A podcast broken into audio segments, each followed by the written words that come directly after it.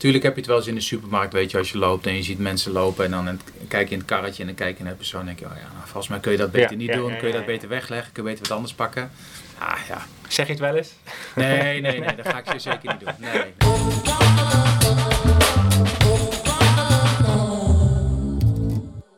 Goed voorbereid? Eh, ik heb wat dingen opgeschreven inderdaad. Oké. Ga ik je niet laten zien. Nee, doe maar niet. Eh, klopt het wel dat, we, dat je elk moment eh, weggeroepen kan worden, omdat je dan vader gaat worden? nou ja, we zitten vandaag precies op 37 weken, dus eh, het kan elk moment gebeuren. Dus misschien wordt het een hele korte podcast. Dat zou maar zo kunnen, ja. ja. Dat gaat wel wat worden natuurlijk. Ja, dan goed, we gaan er nog niet vanuit, maar ja, je weet het niet. Dus dat gaat wel wat, dat gaat wel wat worden, ja. Het wordt weer een nieuwe fase. Zin in? Ja, heel veel zin in. Gaat het ben, je eh, leven veranderen zoals ze Ik heb geen flauw idee. Weet je, iedereen zegt dat en ik denk dat het cliché is, maar ik denk dat het wel veel gaat veranderen. Maar het zal niet... Weet je, natuurlijk, we blijven wel gewoon ons ding doen. Mhm. En eh, we zullen niet eh, mensen zijn waarbij het dan in één keer alleen maar om de baby draait. Zo steken we zelf niet in elkaar, dus we blijven wel gewoon ons ding doen. Maar er gaat wel een en ander veranderen. Ja, inderdaad. Dat heb ik ook wel. Als ik ooit eh, eh, gelukkig mag zijn als ik een kind krijg. Dat Ja. ik inderdaad er wel voor zorg dat ik inderdaad mijn eigen ding wil blijven doen. Ja, ik denk wel dat dat... eh, weet je, je moet wel bij jezelf blijven. Mhm. En eh, ik denk op het moment dat jij gewoon je ding niet meer kan doen, soort van... dat het ten koste gaat van jezelf. Gaat ten koste van jezelf, gaat ten koste van je relatie. Nou, volgens mij is dat wat wij in ieder geval niet willen. Dus ik, dat, ik geloof niet dat dat gaat gebeuren, nee. Oké, dat gaat wel goed komen. Ja, weet je, we blijven gewoon naar concerten gaan en we blijven gewoon eh, uit eten gaan en eh, wedstrijden en weet ik veel wat. Dus, eh, en, en de baby kan prima mee. Ga je veel naar concerten? Nou, ik ging enorm veel naar concerten, weet je, vanaf 14, 15 jaar leeftijd. ehm, en eigenlijk nog steeds wel, natuurlijk is het later wel een stukje minder. Maar ik ga nog wel regelmatig naar concerten toe, ja. Ja. Ja, Echt een muziekliefhebber. ja ik ben wel een muziekliefhebber, ja. ja. Want we hadden het er net voordat we begonnen al even over... eh, eh, je kent Klaas, daar heb je mee op school gezeten. Ja. Dus ik heb ook allemaal inside information van toen eh, gekregen. Nou, leuk. laat, me, laat me verrassen, de Klaas. Ook een beetje tot eind bewaren. Ja. Maar je hebt wel Circle of Emotion. Ja, ben COV je- was dat, ja. Dat is al wel heel lang geleden. Heel lang geleden. Hoe lang is dat geleden? Poeh, ik denk dat dat... wanneer zal het geweest zijn? Ik denk eh, midden jaren 90, eind jaren 90, zoiets. Begin 2000, om en nabij. Want dat was een, een band. Ja, het, het, het, het, het vloeide voort uit een, een oude metalband uit Kampen, Osiris. Ehm en die zijn toen verder gegaan eh, als Circle of Emotions. Ehm, en later, eh, in het stadium waarin wij, weet je, ik en nog iemand eh, instroomde, nog iemand anders. toen werd het C of E. En eh, weet je, mijn rol mag eigenlijk geen naam hebben. Ik, wij, we deden backing vocals en dat soort dingen. Maar eh, ja, fantastisch. Gewoon een hele goede band. Fantastische muzikanten. En eh, een paar optredens mee gehad. Later ben ik eruit gegaan. Is een andere zanger eruit gegaan. En toen is de band eigenlijk nog een tijd doorgegaan. En ik ging altijd met ze mee en hielp ze met opbouwen en al dat soort dingen. En ehm, ja, fantastische band. Maar het was een serieuze, serieuze band. Het was een serieus Ja. ding. Ja, absoluut. Ja. We hebben toen nog een demo uitgebracht. Hele goede recensie gekregen. Ook in de, in de Aardschok. hè, In het, het, het metal magazine Ja, zeg maar, van, eh, van Nederland. En ehm nou ja, fantastische tijd. Ja. Tof. Ja. Oké. Ja. Eh, nou, ik zal straks de dingen die, eh, die Klaas nog meer heeft verteld over die tijd. eh, Ben benieuwd. Misschien er, ligt daar een beetje hoe het loopt. Ehm, want je bent dus kracht- en conditiecoach. Ja, Klopt kracht, dat? kracht- en conditietrainer, eh, fysieke trainer. Weet je, het heeft allerlei verschillende benamingen, maar het is eh, vanuit eh NOC NSF, vanuit Team NL zeg maar, eh, is de functieomschrijving strength and conditioning coach, dus kracht- en conditietrainer. Want hoe ben je daar eh, zo gekomen? Ik heb gelezen dat je eh, ehm, eh, toen je eh 14 was, had je redelijk wat overgewicht. Ja, daardoor En- ben ik er niet gekomen. Maar eh, ja, 13, 14 jaar zoiets. En op een gegeven moment eh, was ik het zat en toen ben ik een, een diëtist op gaan zoeken. En, eh, en toen kwam ik eigenlijk in aanraking met krachttraining. En ehm 14 jaar geleden of zo ben ik eigenlijk begonnen met krachttraining. Gewoon twee keer in de week. En eh, ja, op een gegeven moment vond ik dat al heel snel, vond ik dat heel gaaf worden, zeg maar. Mhm. En Ja, dat, dat, dat, dat ging toen op een gegeven moment drie keer in de week, vier keer in de week, vijf keer in de week. En, eh, en ik, ik ging me er ook steeds meer in verdiepen, weet je. Dus je kocht de tijdschriften, de magazines, de boeken van Arnold Schwarzenegger en, en alle helden vanuit die tijd. Hè, want ik vind sommige echt helden. Ehm, ja, en dat is eigenlijk wel mijn passie geworden, weet je. Krachttraining, dat is wel... Dat loopt als een rode draad door mijn leven heen. En, eh, en ik doe dat nog steeds. Ik train nog steeds vier keer in de week. En eh, ik vind het ook belangrijk om te doen. Daar heb je dus wel tijd voor. Ja, daar maak ik tijd voor. Ja. Weet je, anderen maken tijd om eh, vijf uur per dag achter Facebook te zitten en Instagram en weet Mhm. ik veel wat. Ja, en ik vind het belangrijk om een uurtje per dag eh, te kunnen sporten. Vandaag al gesport? Ik heb vanochtend getraind, ja. Hoe laat eh, was dat? Nou, het was laat. Ik was half elf of zo, zoiets. Oké. Ja, En dat is hier in de sportschool in Kampen? ja hier in Kampen gewoon. Kijk, het voordeel van mijn vak of van mij is dat ik kom op veel locaties in het land. Mhm. En eigenlijk elke locatie waar je komt, daar is, eh, daar is wel eisen te vinden. Weet je, er zijn wel apparaten te vinden, toestellen en weet ik veel wat. Dus ik kan eigenlijk overal wat trainen. Ehm, en, en bij ons op het werk, ik werk dan op Papendal bij het NOC-NSF. Sportcentrum Papendal is dat. En ehm, ja, weet je, daar kan ik gewoon op het moment dat ik mijn trainingen gegeven heb, kan ik daar gewoon trainen. Ja. Dus er is altijd wel een locatie waar ik kan trainen. En ging dat toen je, toen je dus begon, eh, ging dat ook gelijk goed? Het trainen? Nou, nee, weet je, je gaat... Maar je, je vond het wel gelijk heel leuk. Ja, ik vond het heel leuk, omdat eh, eh, ik vond het gelijk een uitdaging. Ik zag dingen veranderen aan mijn lichaam. Ehm, en, en ik merkte dat ik sterker werd. En, en doordat ik sterker werd, merkte ik ook dat ik eh, meer zelfvertrouwen kreeg. Ehm, en je merkt het ook in het dagelijks leven. Maar wat, wat, kijk, wat er gebeurt, je gaat natuurlijk heel veel magazines ga je lezen. En ik vond het gelijk al heel interessant, dus je gaat je erin verdiepen. Maar ik denk zoals zoveel mensen die krachttraining doen, je gaat schema's kopiëren van, hè, van de grote jongens. Ja. En eh, ja, vergeet niet dat die jongens, die zitten ook natuurlijk aan de anabole steroïden. En ja, weet je, dus die herstellen gewoon veel sneller. Dus de schema's die hun hadden, die gingen wij kopiëren. Ja, dan raak je geblesseerd. Weet je, iedereen heeft dat meegemaakt. Dus daar leer je wel van. En eh, kijk, en op het moment dat je ouder wordt en je blijft doortrainen, dan weet je hoe je dat moet aanpassen. Maar ja, dat zijn dingen in het begin eh, waar je wel tegenaan loopt, zeg maar. Ja. Dus stel je zou nu als je de, eh, je eigen jongere X zou kunnen begeleiden, dan zou je wel wat punten weten van let Ja. daarop, let daarop. Ja, kijk, ik heb veel mensen die ik ook al of online begeleid of ik heb wat bekende Nederlands begeleid en nog steeds wel. Ehm, kijk, en het doel voor die mensen is over het algemeen hetzelfde. Ze willen er beter uitzien als ze voor een spiegel staan. En ik ben ervan overtuigd dat krachttraining dat dat de beste methode is en ook de snelste methode is om ehm, tot die shape te komen zeg maar, die ze graag willen hebben. In combinatie natuurlijk met voeding en nou, alles erop en eraan.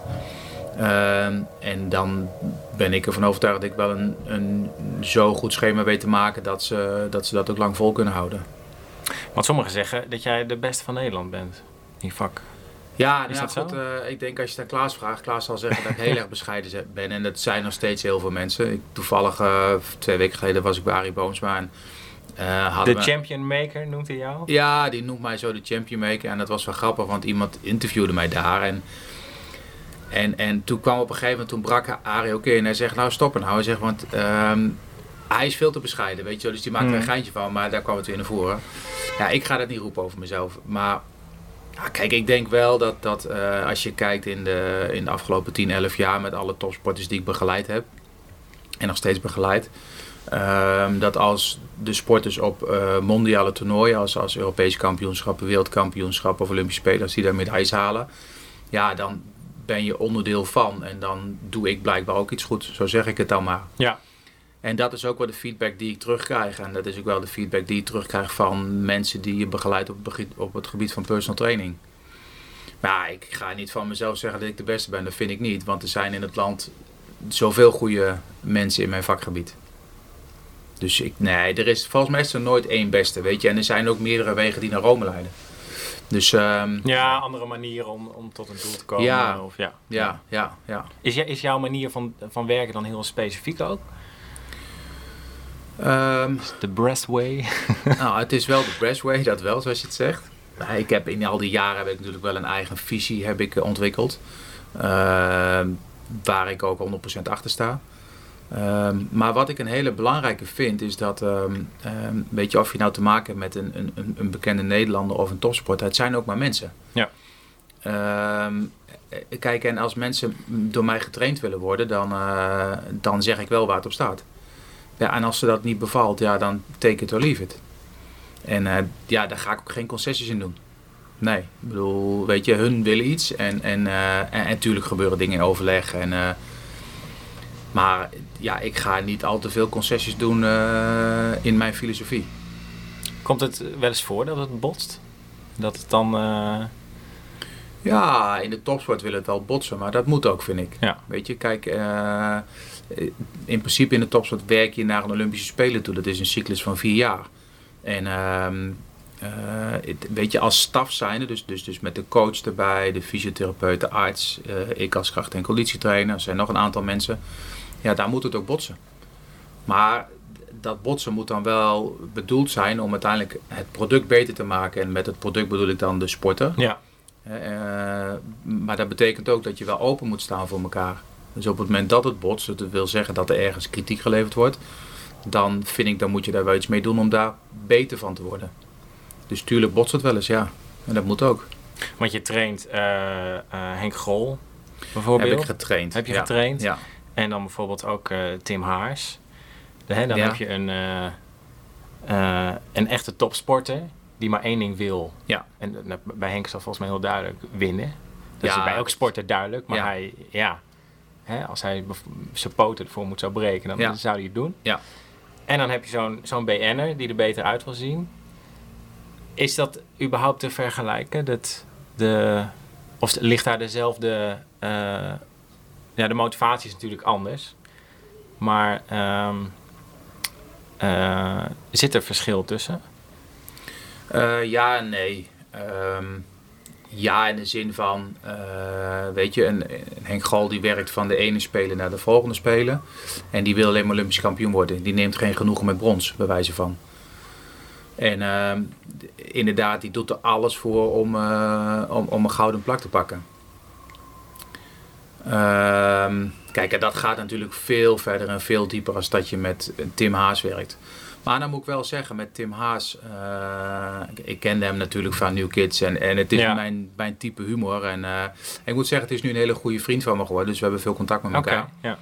Ehm, maar dat is ook wel een hele gave weg geworden. En eh, hij pakte het eigenlijk vanaf het begin aan pakte hij het goed op. Ja, hij had toen die, die hoofdrol voor Ron Goossens Low Budget Stuntman, die film. Ehm, maar voor die film moest hij 15 kilo aankomen en hij was echt doodongelukkig. Heb je hem daar ook mee geholpen? Ja, daar heb ik, ik Of, eh, nee, alleen het aankomen niet, dat aankomen niet. Maar Oké. ze belde al gauw in de zin van, joh, kom alsjeblieft helpen, want dit gaat niet goed. En we hadden toen de eerste keer afgesproken en hij zag er echt gewoon niet uit.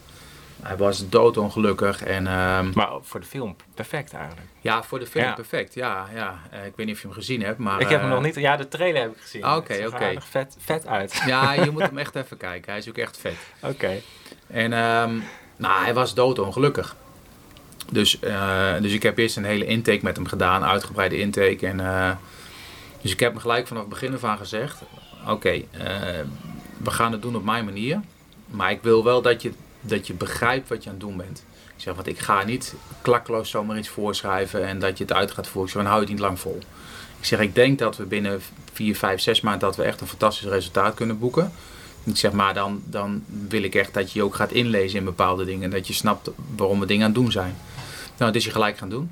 En, ehm, en, en eh, elke maand zeg maar, namen we foto's. Hè, we hadden voor- en na-foto's. En, eh, en dat, dat zette ik in een soort van bestand. En dat mailde ik dan weer naar hem. Nou, daardoor kreeg hij weer een drive. En Ja. extra gemotiveerd. En eh, ja, tot de fotoshoot. Zeg maar, we hebben dan ook een soort van fotoshoot gedaan vlak voordat hij de, de rode loper op moest van de première. Ja, dat is fantastisch geworden. Dat is nog steeds wel een kippenvel momentje eigenlijk. eh. en dat zie ik ook een beetje als hè, van begin tot eind. eh, is een cyclus geweest van vijf maanden geloof ik. Maar is voor hem wel een piekmoment geweest. Hè, en, en, en, en Henk Gol bijvoorbeeld, die doet er vier jaar over naar de piekmoment toe te werken. Ja. En kun je niet vergelijken met elkaar, maar ook wel weer wel een beetje. En, en hoe ze ermee mee omgaan? Wie? Nou, als je, Oh, als je tegen Henk Grol zegt, eh, eh, je moet dit doen, dan doet hij het waarschijnlijk. En bij Tim zou hij dan, ehm, moet je daar dan meer uitleg geven? Ja, kijk, Of is dat, vakinhoudelijk moet, moet je, je zou hij meer aan moeten trekken? Mm, Omdat de motivatie misschien bij een, bij een Henk eh, groter zou zijn? Of meer aanwezig? Ja, die motivatie is wel meer aanwezig. Weet je, sowieso bij topsporters eh, is die drive en, en die als je het over de echte topsporters hebt, zeg Mhm. maar. eh, die in potentie gewoon medaillekandidaten zijn op EK, WK spelen, daar is die drive gewoon ontzettend groot. Ik heb nu, ik, ik werk nu al een paar jaar met Frank de Wit, ook een topjudoka. Ja, en dat is, dat is ook dat is, dat is fantastisch om mee te werken. Dat is nog een heel jong gastje, maar die is zo ontzettend gemotiveerd. Ja, dat is fantastisch om te zien. Dus ja, en ik heb dat met Epke ook meegemaakt. Dat is, Ja. die, die, die gaat maar voor één doel. Ja, en dan is het eh, heel zuur om te zien, in 2012 word je Olympisch kampioen. En in 2016 hang je volgens mij nog geen 20 seconden aan de rekstok en je valt eraf. Ja. Weet je, daar train je vier jaar voor. Ja, dat is het, het meest zure wat er maar, wat er maar kan bestaan. Hoe heb je dat beloofd? Of be- beleefd? Eh, Waar was je op dat moment? Met tranen op de bank gezeten. Ja. Het is nog steeds wel een kippenvel momentje eigenlijk, om Ja. zo te zeggen. Ja, ja weet je, je, je bent dag en nacht bij je bezig met zo'n sporter. En eh, als team zijn, als staf zijn er dan. Dus je hebt zoveel contact met elkaar. En eh, dan, op het moment zeg maar dat hij begint, heb je er heel veel vertrouwen in. Want het ging eigenlijk best wel goed. Ja, toen ging het mis en dan, ja, dan ja, zit je echt met tranen op de bank. eh, zit je alles te verbijten. Denk je dan ook van... eh, eh, ik had beter mijn best kunnen doen? Of... Over mezelf bedoel Ja. je? Nou, ik ben wel altijd iemand die kritisch naar zichzelf kijkt. Dus op Ja. het moment dat een sporter zeg maar niet presteert, dan is wel het eerste dat ik naar mezelf ga kijken. En weet je, dan ga ik schema's terugkijken of weet ik voor wat. Ik ben dan wel weer zo'n vakidioot die dat Mhm. gaat doen. Maar dan ga je wel, jij gaat wel terugkijken. En zie je dan af en toe van... Ja, ja daar hadden we nog iets kunnen pakken misschien? Of, Ja, soms, soms heb je wel eens van die momenten dat je denkt van nou, misschien hadden we daar iets anders moeten doen. Of eh, hadden we daar dingen moeten aanpassen. En eh, ja, weet je, je moet daar wel kritisch naar blijven kijken. En Epke, die, nou ja, die sprak je uiteindelijk weer? Of, of sprak, sprak je hem snel daarna?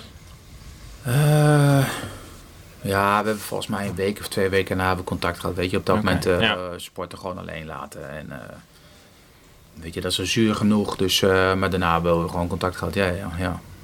Dus dat gaat gewoon door. hoe ging dat gesprek? Ja, weet je, ik ben dan niet de type die daar, eh, die daar weer heel diep op in moet gaan. Want hij heeft natuurlijk al talloze interviews gehad. Mhm. En eh, hij heeft er zelf wel moeilijk, moeilijk genoeg mee, weet je. En dan sla ik in armen mee en dan weet je zo en dan ga je weer verder. Dat is, je- het heeft ook geen zin om, om nog weer, weer terug te gaan naar dat moment. Nee, precies. Weet je zo. En zo'n ervaren sporter die weet dat maar al te goed. En eh, ja, het heeft geen zin om daar nog weer heel diep op in te gaan. Maar ik denk, het is uiteraard heel jammer, maar ik denk dat als één iemand het had kunnen overkomen, niet door wat hij doet, maar om daar sterker uit te komen, hij is altijd heel positief, heel vrolijk ingesteld, toch? Ja, wel. Ja. Ah, kijk, ook wel niet. Eh, hij heeft natuurlijk heel veel blessures gehad in het verleden. En eh, het is best wel een blessure. De onderdelen die hij doet is best wel blessuregevoelig. Kijk, en die onderdelen, of die blessures, zeg maar, die maakt hem af en toe ook heel onzeker. Ja. En, maar dat is sowieso in de topsport, weet je, als je... eh, Ik werk ook al jarenlang natuurlijk met judokers. Nou, contactsport, waarbij je veel ook kleine blessures hebt. Vingers, pols, schouders, dat soort dingen. Ja, het zet ze toch weer eventjes een week of twee weken eh, niet stil, maar dat ze wel minder kunnen doen. Ja. Ja, en de sporters gaan daardoor toch twijfelen. En, eh, en ja, dat is heel lastig om daarmee om te gaan. En ze raken, ze raken gefrustreerd. ja. ja. Ja, ze Ben raken, je- help je daar ook mee? Mentaal, op mentaal vlak? ja je, doet, erbij? je doet dat wel. Kijk, en dat doe je niet tijdens een training, maar dat is meer op het moment dat je, dat je als een bakje koffie gaat drinken of wat dan ook. Weet je, dan ben je met ze in gesprek en dan Ja. heb je het wel over dat soort momenten. Ik vind ook dat dat je taak is. Ja. Gewoon hoort erbij. Ja, vind ik wel. Ja, ja, ja. Kijk, uiteindelijk ga je met z'n allen voor één doel en ehm, ja, dan hoort ook dat erbij. Want je hebt zelf ook eh gejudo'd? Ja, ik ben op latere leeftijd ben ik eigenlijk begonnen. Eh, voetbal, judo, nou, een keuze maken, bla bla. Toen ben ik met judo verder gegaan. En eh, dat is tot eh, mijn, even kijken, uh, 233ste geweest, zo zoiets. Oké. Dus je hebt wel de, de, de, de feeling, zeg maar, met, met judokers met wie je werkt. Ja. Want wa- ehm, wa- was je er goed in? Nou, ik was geen bijzondere judoka. Ik had wel een zwarte band, ik was derde dan, judo leren A en B. Ehm, maar dat mijn echt talent was, nee, dat niet. Nee. Nee. Oké. En, want vanaf wanneer ben je er echt, eh, oh ja, gaan doen wat je nu doet? Nou, ik werk nu, even kijken. Is dat ook al tijdens de judo? Of? Ja, nou, dat was een beetje het kantelpunt, zeg maar. Zo'n Ja. beetje rond 2008, na de Spelen toen, 2000, begin 2009. Toen ben ik eigenlijk een beetje begonnen in de topsport, zeg maar. Ik begon toen als, als, als, als krachttrainer toen bij de stichting Top Judo Academy in Haarlem. Dat was toen het Mhm. bolwerk van Cor van der Geest, zeg maar. En eh, daar ben ik toen een aantal uren gaan werken. Ja, zo is het balletje een beetje gaan rollen. En eh, eh, toen kwam er een vacature vrij bij het NOC-NSF. Dat was toen in Eindhoven. En daar heb ik op gesolliciteerd en eh, daar ben ik toen aangenomen. Dus het was twee dagen in de week naar Eindhoven toe met de auto. Eh, twee, drie dagen in de week naar Haarlem toe. Dus eigenlijk het hele land doorcrossen. Gewoon puur omdat ik volledig in dat werkgebied aan het werk wilde zijn. En ehm, ja, eh, dat is weer investeren zeg maar, in je toekomst. En uiteindelijk eh, ehm, werd ik gevraagd in Heerenveen. Dat was 2010 of zo ongeveer. Voor een fulltime job daar. Dat was ook onderdeel van het NOC-NSF. En eigenlijk met als grootste sport turnen met Epke. Ehm, en en toen ben ik dus naar Heerenveen ben ik gegaan. En daar een tijd gezeten. En toen werd ik begin, eind 2013 werd ik gevraagd door Henk Grol en Dex Helmond. eh, want hun oude krachttrainer Herman de Brot die ging eh, weg, die stopte ermee. En eh, of, ik hem, of ik het over wilde nemen van, van hun. En zij wilde eigenlijk maar één krachttrainer en dat was ik. Ehm, en toen heb ik gezegd van nou, dat wil ik graag doen. Hè. Ik wil weer investeren in het reizen. Ehm, maar eh, ik wil wel Epke blijven begeleiden. En ik had toen de commerciële schaatsploeg van Marianne Timmer. Ik zeg, en die wil ik ook blijven begeleiden. Dus ehm, toen zijn we gaan kijken van nou, hoe kunnen we dat nou het beste verdelen. Uiteindelijk zijn we eruit gekomen. En toen vanaf begin 2014 ben ik dat gaan doen. Want, wat is, want je, je, je, je noemt nu al een paar eh, dingen op die je doet. Of die je toen deed. Heel veel. Hoe eh, is er een kantelpunt geweest dat je... Hè, want je, je hebt eigenlijk simpelweg gewoon gesolliciteerd bij NOC-NSF. Ja. En dan, eh, ja, dan, dan ben je er al. Dan is je naam al bekend.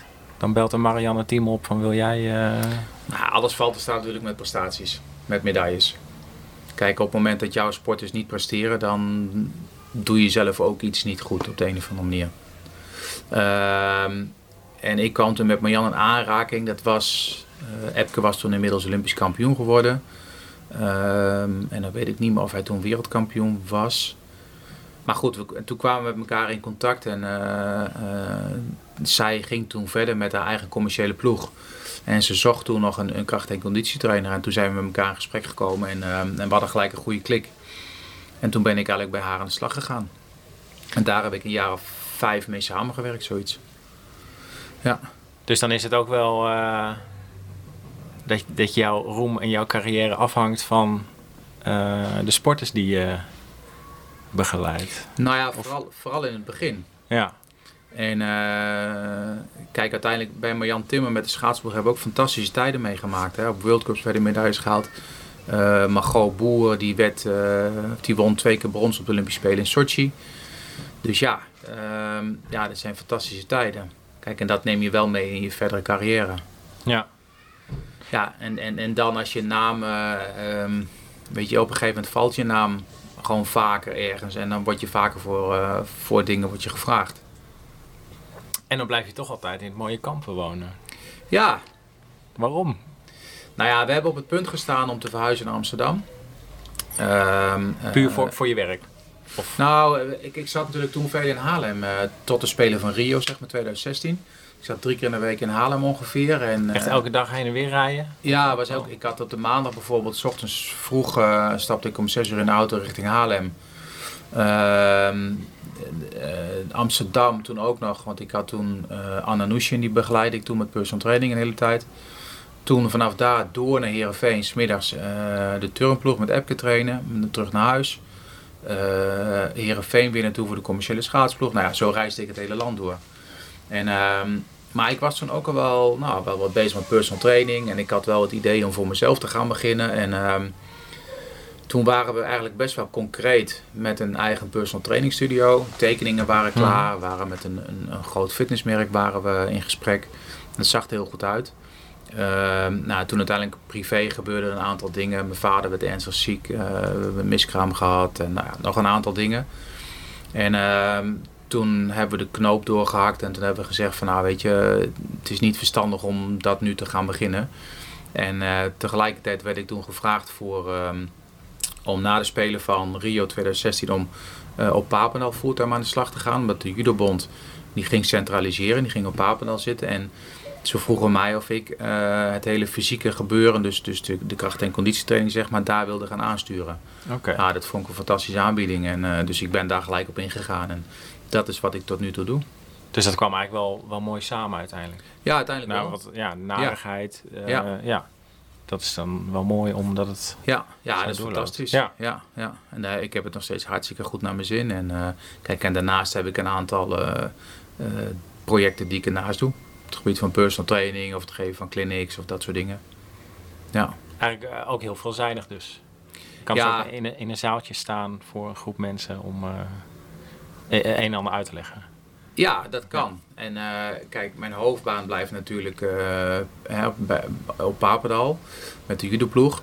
Maar daarnaast in je vrije tijd, uh, je kan wel af en toe in het weekend word je gevraagd voor een, een, een, seminar bij een CrossFitbox. of je ja. geeft een presentatie aan geven. En dat vind ik fantastisch om te doen, omdat weet je, ik ben wel iemand die wil graag kennis delen. En nou, ik denk dat ik in, in die 10, 12 jaar dat ik best wel wat informatie verzameld heb. Um, en ik vind sowieso dat er in het land op het gebied van personal training of krachttraining of whatever, dat er meer gedeeld moet worden. En uh, ja, ik doe dat wel. En dat vind ik gaaf om te doen. Want hoe heb je al die kennis, ja natuurlijk door het te doen, maar hoe ben je zelf verder aan die kennis gekomen? In het begin natuurlijk hè, haalde je het uit de bladen en schreef, of hè, toen nam je zelfs de uh, trainingsschema's over.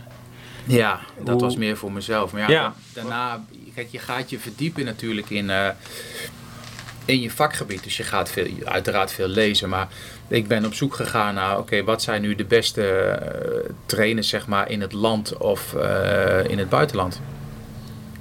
En die ben ik gaan opzoeken. Wat zijn dan je voorbeelden? Heb je voorbeelden? Um, ja, dat zijn er heel veel. Dat zijn er echt veel.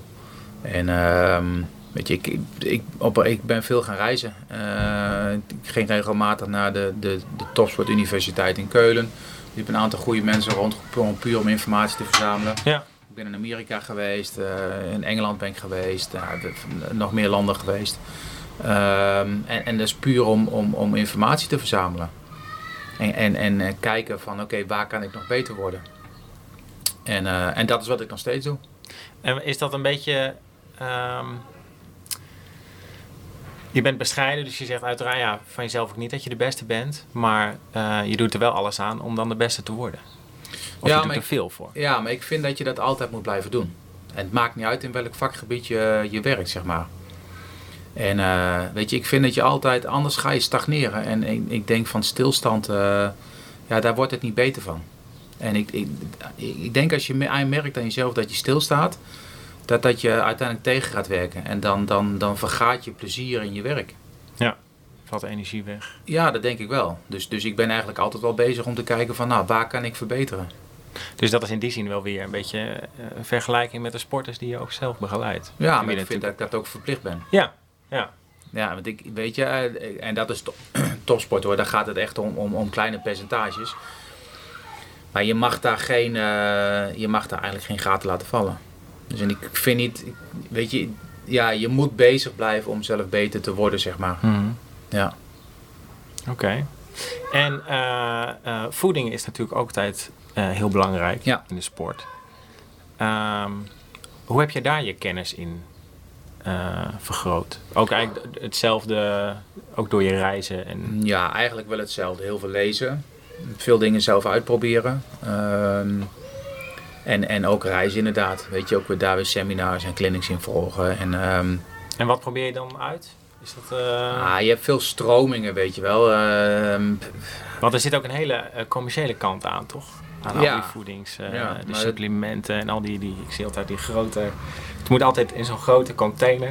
Het commerciële doe ik nooit zo aan mee. Weet je, je moet kijken wat, wat wel werkt en wat niet werkt. Ja. En ik geloof wel in suppletie, in supplementen. Daar geloof ik zeer, zeer zeker in. Ik denk dat veel meer mensen dat zouden moeten doen. Maar heel veel mensen zien door de boom het bos niet meer. Die weten niet meer wat ze moeten gebruiken. Welk merk, welke producten. Um... Dat is ook heel lastig natuurlijk. Ja, is ook heel lastig. Overal reclame voor gemaakt. Ja. Alles is het beste voor je. Ja. Maar hoeveel en wanneer en Nou waarom? ja, dat is eh, het ook. Ja. En ik vind dat mensen daar goed in, in voorgelicht moeten worden. Ik vind dat mensen bijvoorbeeld, de meeste mensen standaard een goede multivitamine moeten nemen. eh, omega-3, visolie, magnesium, vitamine D. Dat zijn een beetje standaard dingen. Eh, als ik iemand begeleid, schrijf ik dat standaard voor. Ehm, omdat heel veel mensen daar gewoon een, een chronisch tekort aan hebben. Ehm, dus ja, weet je, ehm, eh, eh, ik, ik blijf wel, ik probeer wel op de hoogte te blijven van of er nieuwe trends zijn of dat er nieuwe dingen zijn op het gebied van voeding ook. En, en hoe kijk je dan naar die, die sportscholen die nu overal maar de grond uit worden gestampt? Waar je vaak, eh, nou ja, je mag naar binnen, hier zijn de apparaten en eh, Ja. succes. Ja, die vraag wordt veel gesteld. Kijk, ten eerste vind ik het goed in die zin dat, eh, dat er meer mensen kunnen gaan bewegen. Het is een hele trend hè, de afgelopen jaren natuurlijk. Met gezondheid en we zijn er als mensheid denk ik Ja, al veel maar- meer mee bezig. Maar omdat de gezondheid van heel veel mensen ook achteruit gaat. Kijk maar ja. naar het hele obesitasgeval. Ja. Ik bedoel, hè, de- de- dat, dat, is, dat is schrikbarend. Eh, diabetes.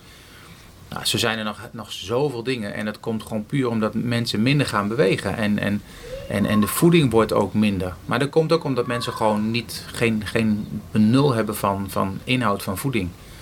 Ehm, dus dat is ook iets als ik iemand begeleid op het gebied van personal training, dan, dan probeer ik hem daar ook wat in te scholen. Weet je, dat mensen ook snappen Ja, op het moment dat ze naar de supermarkt gaan, oké, leer etiketten lezen. Hè? Wat staat er nou op een etiket? En ik vind wel, heb ik met Tim Haas ook gedaan en met Anna Nushin was dat precies hetzelfde. Ik vind wel dat je s'avonds een wijntje moet kunnen drinken, dat je een pizza kan eten en weet ik veel wat. En, en, en, en Tim ook dat je op een zaterdagavond een keertje laveloos thuis komt. Ik vind dat dat moet kunnen. Ehm, maar dan, dan moet je wel weten, oké, wat moet ik de volgende dagen dan doen om dat een beetje weer recht te trekken. Ja. Ja, zo blijf je bezig. Is het dan eh, 50-50? Voeding en eh, trainen? Nou, nee, voeding is wel, gaat wel meer richting de 60, 70 procent. Oké. Ja. En trainen is uiteraard heel belangrijk, maar kijk, als je echt een doel hebt, hè, dat je, zoals in het geval van Tim bijvoorbeeld, ja, dan is voeding wel een hele belangrijke. En wat, eh, want eh, Tim, die, hoe lang is dat geleden dat hij première was? Ik denk nu anderhalf jaar of zo, Oké, zoiets. en hij is nu nog steeds. Ja, nou, hij, hij doet niet zo heel veel krachttraining meer, maar hij is, hij is wel heel veel aan het sporten. Hij is veel aan het hardlopen, eh, doet wel wat krachttraining thuis, allerlei oefeningen. En ehm, nou, zijn, zijn voeding begrijpt hij gewoon goed, dus dat doet hij gewoon hartstikke goed. En over voeding eh, gesproken. We hebben hier in eh Kampen natuurlijk eh, Jeruzalem. Ja, Ben je vroeger ook al vaak geweest, denk ik. dat is lang geleden. En dan bestelde je altijd melk bij je bestelling. Klopt dat? ja. Waarom? Nou, laat- Moest ik vragen? Laten we het er dan op houden van, ik dacht altijd dat je daar groot en sterk van werd. Oké, Dus vandaar. ja. Nou, ik denk dat dat meer was omdat we eh, daarvoor altijd de nodige biertjes op hadden. Dus eh, dat we dan zeiden van, dan maar een glaasje melk erbij. Oké, oké. Ja. Heeft hij goed onthouden. Ja, hij heeft wat termen doorgegeven. Ik weet bij god niet wat het verhaal daarachter is. Maar eh afgedunderd. Afgedonderd. Komt het, komt het ja, bekend dat komt voor? volgens mij. ehm wij zijn toen ooit naar de Schelling zijn we een paar keer op vakantie geweest. Ik dacht dat het daar ergens vandaan kwam. En ik weet niet exact meer hoe, maar dan, de Klaas zal het ongetwijfeld weten. Ja, die kwam met wilde verhalen. Misschien Ja, ja, ja, legt hij het zo meteen nog uit in zijn, eh, in zijn wijze woorden. Nou, ik ben benieuwd. Ehm, volg je, eh, er zijn nu heel veel dingen aan de hand. WK voetbal, Tour de France, Wimbledon. Eh, volg je dat ook? Ja, WK voetbal volg ik wel. Ik blijf er niet voor thuis om eerlijk te zijn. Dat Want heb je, heb je, begeleid je ook voetballers? Nee. Heb je dat? Nee? niet. Ik zou dat... Ik, ik, ik heb toen wel... Of hebben die krachttraining nodig? Ja, ongetwijfeld. Ik vind juist dat die meer krachttraining moeten doen. Oké. Ik heb toen een paar jaar geleden eh, hadden ze mij een soort van gevraagd bij Ajax. En toen zat ik bij de laatste vier of zo. En uiteindelijk ben ik het niet geworden. Ehm, maar kijk, als je kijkt naar het Nederlandse voetbal, dat is niet meer wat het geweest is. En, d- en dan heb ik het over clubniveau. Hè? Ja. Ehm, en, en ik denk dat een belangrijke, eh, eh, de belangrijkste missing link zeg maar, is het fysieke gebeuren. Ik denk dat ze fysiek heel veel tekort komen op buitenlandse clubs. En ik denk juist dat ze meer krachttraining moeten doen. Alleen de pest in Nederland is, je hebt te maken met, met, met voetbaltrainers die zelf eh voetballer zijn geweest of topvoetballer zijn geweest. En die hebben nooit krachttraining gedaan. En die denken alleen nog maar oh, krachttraining is bodybuilding, eh, word je sloom van en dit en dat. Maar krachttraining in de topsport is tegenwoordig zo breed inzetbaar. Het is niet alleen maar uh, dom gewicht optillen. Maar het Mhm. is ook blessurepreventie. Het is, het is rehabilitatie. Het, het, heeft- het, is, het is heel omvattend. En ehm, ja, ik denk dat dat een hele grote missing link is in, eh, in Nederland. Dus dat is de reden dat we er niet bij zijn dit jaar. Nou, Misschien komen we gewoon kwaliteit tekort. Laten we het daarop houden. Oké, ja, ja. Maar jij zegt wel dat krachttraining is eigenlijk een beetje de basis bijna dus voor elke sport. Of Ja, zou een eh, goede basis zijn? Ja, sowieso. Eh, wa- want eh, het is ook blessurepreventief. Dus, dus het, is, het is heel breed inzetbaar. En niet eens voor een sporter dus. Nee. Nee, het is heel breed inzetbaar. Dus ik denk echt dat daar... eh, kijk, tegenwoordig, in welke sport dan ook, je ontkomt niet meer aan krachttraining. Wil je meedoen op het hoogste niveau.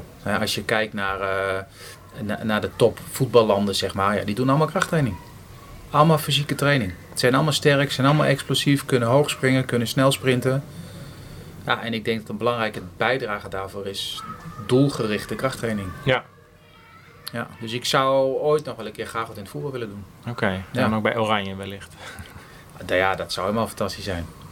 En daar, daar zou je graag wat willen doen, omdat daar dus ook nog veel te halen valt. Ja, denk ook ik voor wel. de, voor de sport. Ja, ja, absoluut. Ja, ik denk dat daar heel veel te halen valt. Ja. Ja. En Tour de France, wielrennen? Is dat een nou, beetje... eh, ik, ik volg eigenlijk alleen de, de bergetappes. Ja. Ik vind het een beetje te lang duren. Weet je, om daar nou voor thuis te blijven. Ik vind het een hele leuke, interessante sport. Ik fiets zelf ook regelmatig. Ehm, maar ik ga daar niet eh, vier, vijf, zes uur lang voor de buis zitten om dat helemaal te volgen. Nee, dat niet. En Wimbledon? Nee. Tennis? Daar kijk ik wel, ja. Blijf ik ook niet voor thuis, maar eh, als het erop is, dan kijk ik het wel. Ja. En heb je, daar heb je ook wielrenners of tennissers in je... Nee, nee, geen wielrenners en geen, eh, geen tennissers in mijn dingen. Nee, ik heb nu alleen maar de nationale judoploeg. Dus, ehm, en we werken nu toe naar de Olympische Spelen van 2020 in Tokio. En dan daarna maar eens verder kijken. Ja. Oké. Ja. Is dat echt van, eh, nou ik zie wel hoe het loopt? Of... Ja, ik zie wel hoe het loopt. Ja, ja, ja. Ook afhankelijk natuurlijk van eh, eh, hoe er gepresteerd wordt straks in Tokio. En, eh, en maar kijken wat er op je pad komt. Wat zou je nog leuk vinden? Voetbal dus. En heb, je, heb je nog uitdagingen die ergens liggen? Ehm, nou, misschien wel een keer in het buitenland.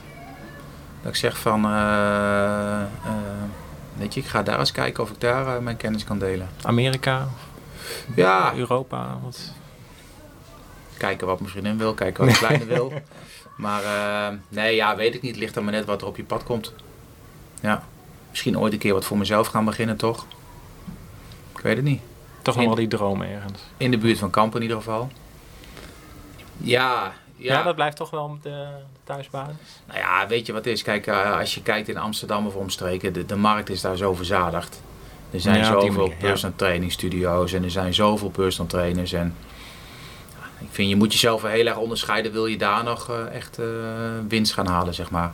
Nou, ik, ik zie aan veel dingen dat mensen steeds weer eh, of in kampen blijven of terugkomen in kamp. Ja, Ik werk zelf in Hilversum. Ik ken nog meer mensen die in Hilversum werken. ja. Die gaan ook niet naar verhuizen. Maar ja, het is wel elke dag weer even een uur heen. ja het is een stuk reizen. Ja, kijk, toen in de periode, mijn vriendin werkte toen ook in Amsterdam. En, eh, dus wij waren heel veel in Amsterdam. Eh, maar het is daar eigenlijk altijd druk en hectisch. Eh, in vergelijking met kampen dan, hè. Ehm, maar op het moment dat je hier woont, kijk, het is hier soms wel heel rustig. Ehm, maar vanaf hier kun je altijd de drukte opzoeken. En, ehm, en andersom geldt dat niet altijd. Dus, en eh, kijk, met een uur ben je ook in Amsterdam. Dus wat, waar hebben we Ja. het over? Ja, precies. Hè? Dus, ja. Dus ja, wat dat betreft. eh, Nee, dus ja, wat de toekomst gaat brengen, ik weet het niet. We gaan het zien. Ik vind het aan de ene kant wel grappig dat je... eh, ehm, je heel erg... eh, je wil al die, die kennis, die eh verga je, die deel je. Daar ben je heel druk mee bezig. Alleen ja, in de toekomst kijk je en dan... Ja, komt er wel... Ja, het is, daar zit niet een, een doel. Nou, dat komt ook een beetje omdat. Kijk, in de topsport, je weet niet wat op je pad komt. En, en dat is een beetje een lastige nog. Dus eh, kijk, ik heb het heel goed naar mijn Maar dat, dat is niet op te zoeken? Of een beetje Dus- te manipuleren? Ja, maar dan moet je wel weten waar je naartoe wil. Kijk, als ik nu heel direct zou zeggen, nee, ik wil wat voor mezelf gaan beginnen. Ja, dan ga ik daar naartoe werken. Ja. Ehm, maar ik ben er nog niet uit of ik dat exact wil. Kijk, want ik werk nu een jaar of, hè, wat ik zeg, 10, 12 in de topsport. En ik heb het daar ontzettend naar mijn zin. Want, eh, kijk, elke dag heb ik gemotiveerde mensen voor mijn neus staan.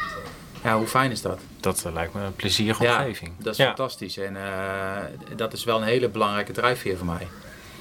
ja, daarmee zeg je van, stel ik zou wel iets voor mezelf beginnen, dan, dan valt dat weg. Of dan heb je minder gemotiveerde mensen. Of Ja, moet jij er meer achteraan. Ja. ja. Ja, kijk, en als je een eigen toko gaat beginnen, daar komen natuurlijk veel meer dingen bij kijken dan Ja. alleen maar lesgeven.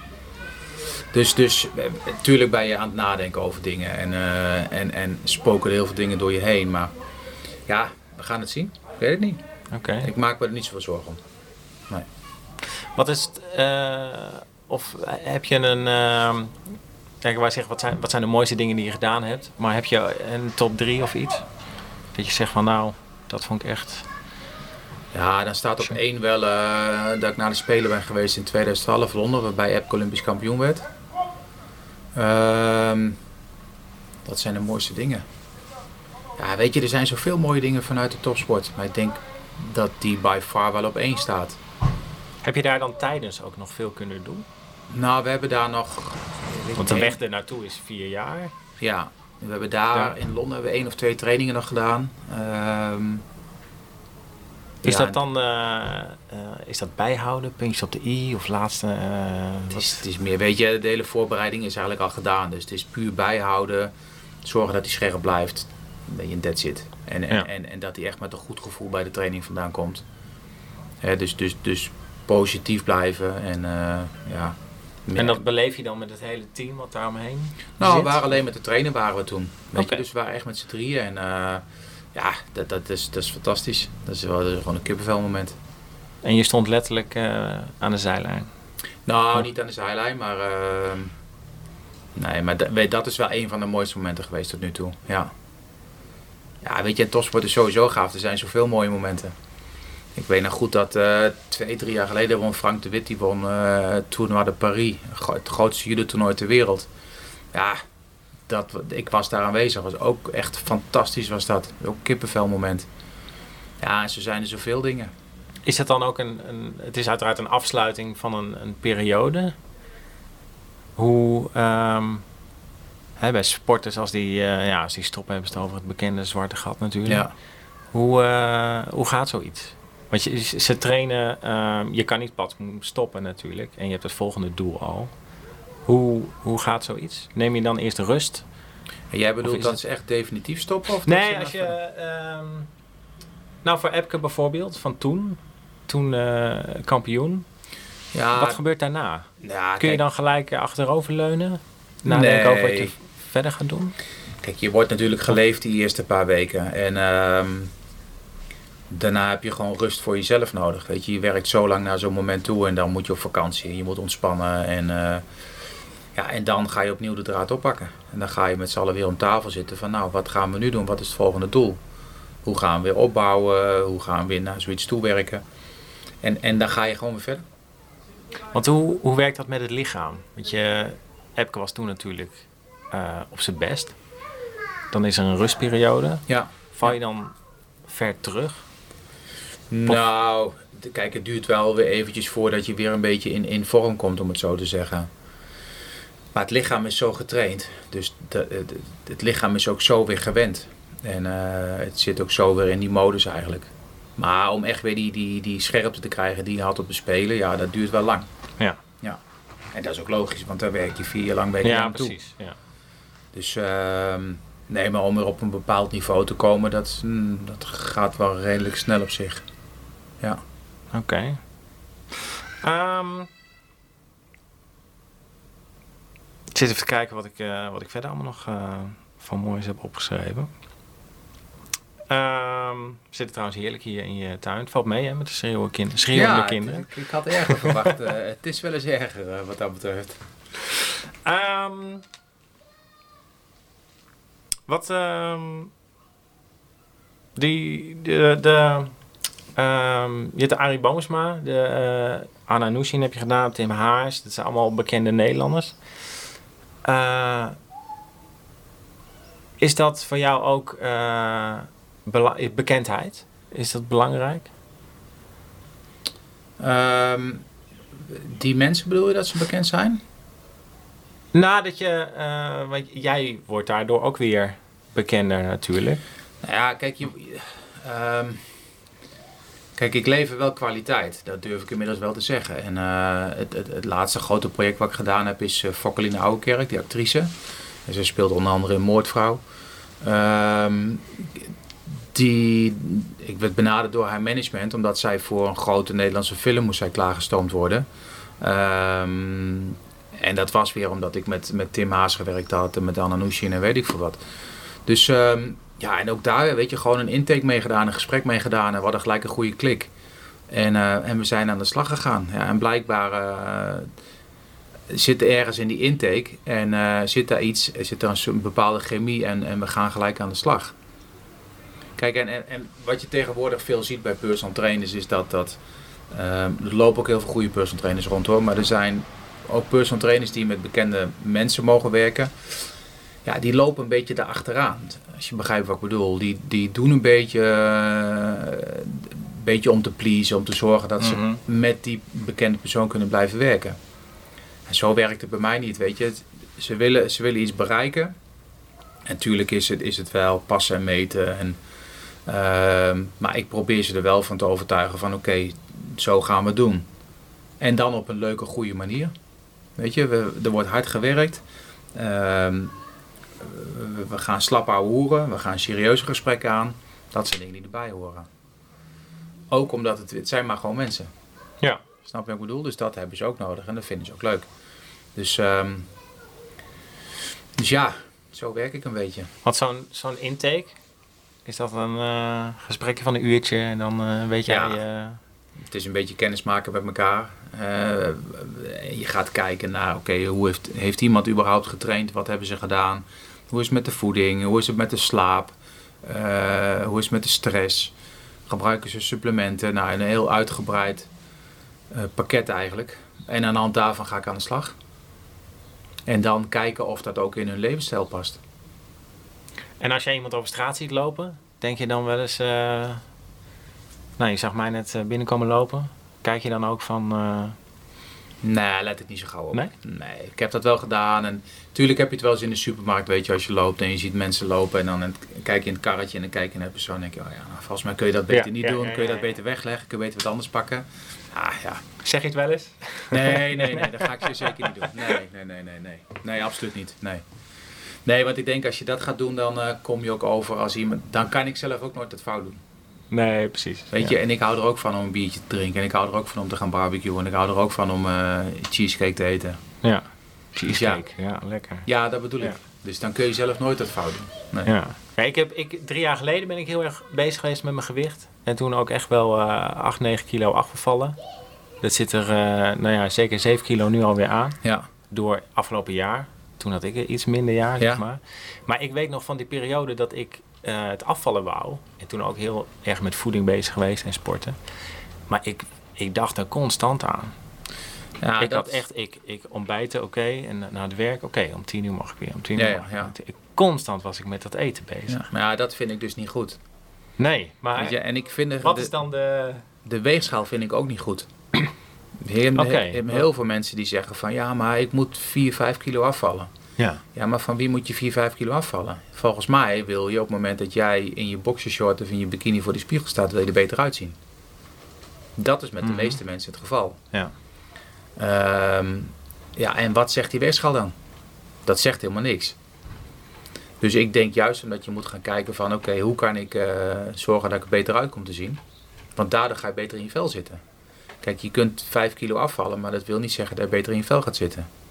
Wat jij had bijvoorbeeld, jij moest op de klok kijken van oké, okay, wanneer ja. mag ik weer eten?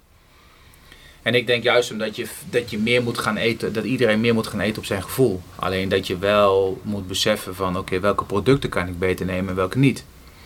En dat je een beetje een globale uh, inschatting hebt van oké, okay, zoveel calorieën moet ik per dag binnenkrijgen. Uh, en dan zoveel gram eiwitten ongeveer, zoveel gram koolhydraten, zoveel gram vetten.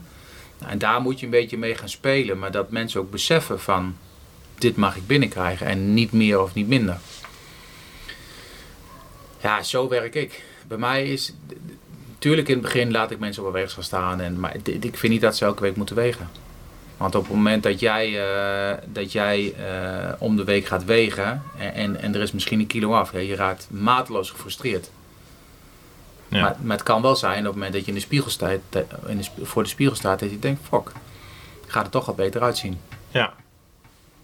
Dus ja, die, die, nee, die weegschaal die mag voor mij gelijk de deur uit. Oké. Ja. Kijk, en, of, of iemand moet 150 kilo zijn, dan vind ik het een ander verhaal. Ja. Hè, dan, want dat heeft ook met gezondheidsredenen te maken. Weet je, dan moet je zeggen van oké, misschien moeten bij jou wel 20, 30 kilo eerst af. En daarna maar eens verder kijken. Ja, precies. Want hoe krijg je dan iemand, uh, nou ja, van zo uh, weegschaal-minded naar, uh, ja, meer... dat is een lang proces. Dat is een lang proces, ja. ja. En dat is wel een, een kwestie van veel praten met zo'n persoon. Want dat is dan eigenlijk, of ja, voor jou misschien, als jij iemand zover krijgt, dan ben jij, jij al heel ver. Ja, dan ben je heel ver. Ja. ja. Maar dat is, weet je, en daarom is... Is, is dat een trucje? Of nee, is dat, is dat... nee, want ik wil juist niet dat het een trucje wordt. Want dan is het niet mens eigen. Dus ik vind wel dat, uh, weet je, het is een kwestie van opvoeden. En, ja. en ook wat ik toen straks zei, dat mensen echt beseffen wat ze aan het doen zijn. En uh, je moet mensen gewoon, gewoon leren. En, en ja, niet meer en niet minder. Het is echte kennis dus. Ja, maar ook begrijpen uh, waarom je bepaalde dingen wel moet doen en waarom je bepaalde dingen niet moet doen. Zou je dat op school moeten kunnen krijgen? Of moeten krijgen? Ik denk het wel. Ik denk dat ze, eh, nou ik denk niet, ik vind dat ze in het, in het basisonderwijs, dat ze sowieso, je ziet al dat ze er minder gaan bewegen. Gelukkig is de discussie weer terug. Ik vind dat ze meer moeten gaan bewegen, omdat kinderen tegenwoordig veel meer zitten. Ja. He, zitten veel meer met een telefoon, met een iPad, met een computer, weet ik veel wat. Um, en dat vind ik niet erg, maar je moet wel in beweging blijven. Ja. Um, en daarnaast denk ik dat je de ouders, die moet je op gaan voeden op het gebied van voeding. Die jonge kinderen die kun je het niet kwalijk nemen. Dat deden wij zelf vroeger ook. Nee, precies. Ja. Maar ik denk dat je de ouders moet gaan opvoeden. Ja. En, en volgens mij is dat niet zo heel moeilijk. Um, maar dat is meer, je, volgens mij moet je ze gaan opvoeden in, in de zin van... Uh, Oké, wat zijn nou wat zijn betere producten om te nemen en wat zijn minder goede producten om te nemen? Nou, begin daar eens mee. Weet je, ga daar eens een shift in maken. Laat zijn, het zijn ook gewoontes. Het zijn ook gewoontes. Ja. ja. en ook omdat mensen gewoon geen besef hebben van bepaalde dingen. Nee. Volgens mij is het niet zo heel moeilijk, maar ja, wie ben ik? Ja. ja, ja het, het, klinkt dan heel makkelijk, hè? Terwijl het, ja. ja, ik denk ook niet dat het zo moeilijk is. Nee. Alleen het is, weet je, als het gaat om, om afvallen, figuursverbetering, wat dan ook, de, de meest belangrijke factor is je doorzettingsvermogen dat is, dat, dat is het meest grote, het meest belangrijke wat er is. Ja. Dus het is puur mentaal. Waarom kunnen mensen niet van bepaalde producten afblijven? Ja, iedereen heeft dat. Ik heb dat, jij hebt dat. Uh, hoe komt dat? Ja. Dus ja. Belangrijk onderdeel. Ja, absoluut. Ja, zeker. Ja. ja. Oké. Okay. Ja. Um, ik ben benieuwd wat, uh, wat Klaas er allemaal over te zeggen heeft. Hoe vind je zijn, uh, zijn uiterlijk? Klaas, wanneer heb ik hem gezien voor het laatst? Volgens mij zag ik hem nog lopen op uh, Full Color Festival, maar dat weet ik niet zeker meer. Volgens mij kan hij alles eten, wordt hij nooit dik. Nee, Klaas is... Ja, sommige mensen hebben geluk, hè? Die, ja, Klaas is nooit echt veranderd qua, qua, qua uiterlijk, zeg maar. Dus ja, kijk, ik geloof er niet in dat, dat mensen altijd alles kunnen eten. Dat geloof ik niet. Maar sommigen hebben wel, weet je, Klaas zal niet veel aankomen wat dat betreft. Het maakt nee. hem niet zoveel uit wat hij eet. Dus uh, ja, die heeft wel geluk. Ja. ja. Dus sommige, ja, dat is jammer hè, dat sommige mensen geluk ermee hebben en anderen die... Uh... Ja, daar kunnen sommige mensen wel eens jaloers op worden, ja. Ja. Ja. Heb je, heb je zelf geluk of moet je daar hard voor werken? Nee, ik moet er hard voor werken. Ja. Ja, zeg het maar. En of dat in de genen zit of dat, ik weet het niet. Maar ik moet er wel hard voor werken. Ja. Maar nou moet ik ook eerlijk toegeven, ik ben wel een, uh, een bourgondier hoor. Ik hou wel van het leven.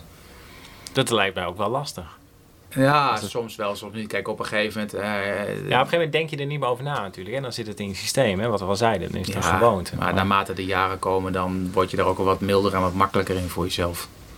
Weet je, ik hoef niet meer met een sixpack rond te lopen en ik hoef niet meer, eh, dat, dat, dat vind ik allemaal niet belangrijk. En dat is ook, weet je, omdat je ook privé heel veel dingen mee hebt gemaakt, dan ga je anders in het leven staan. Ja. Ehm, en, en dan besef je dat er andere belangrijke dingen zijn. Maar ehm, nou, ik moet nog wel steeds te hard voor werken, ja.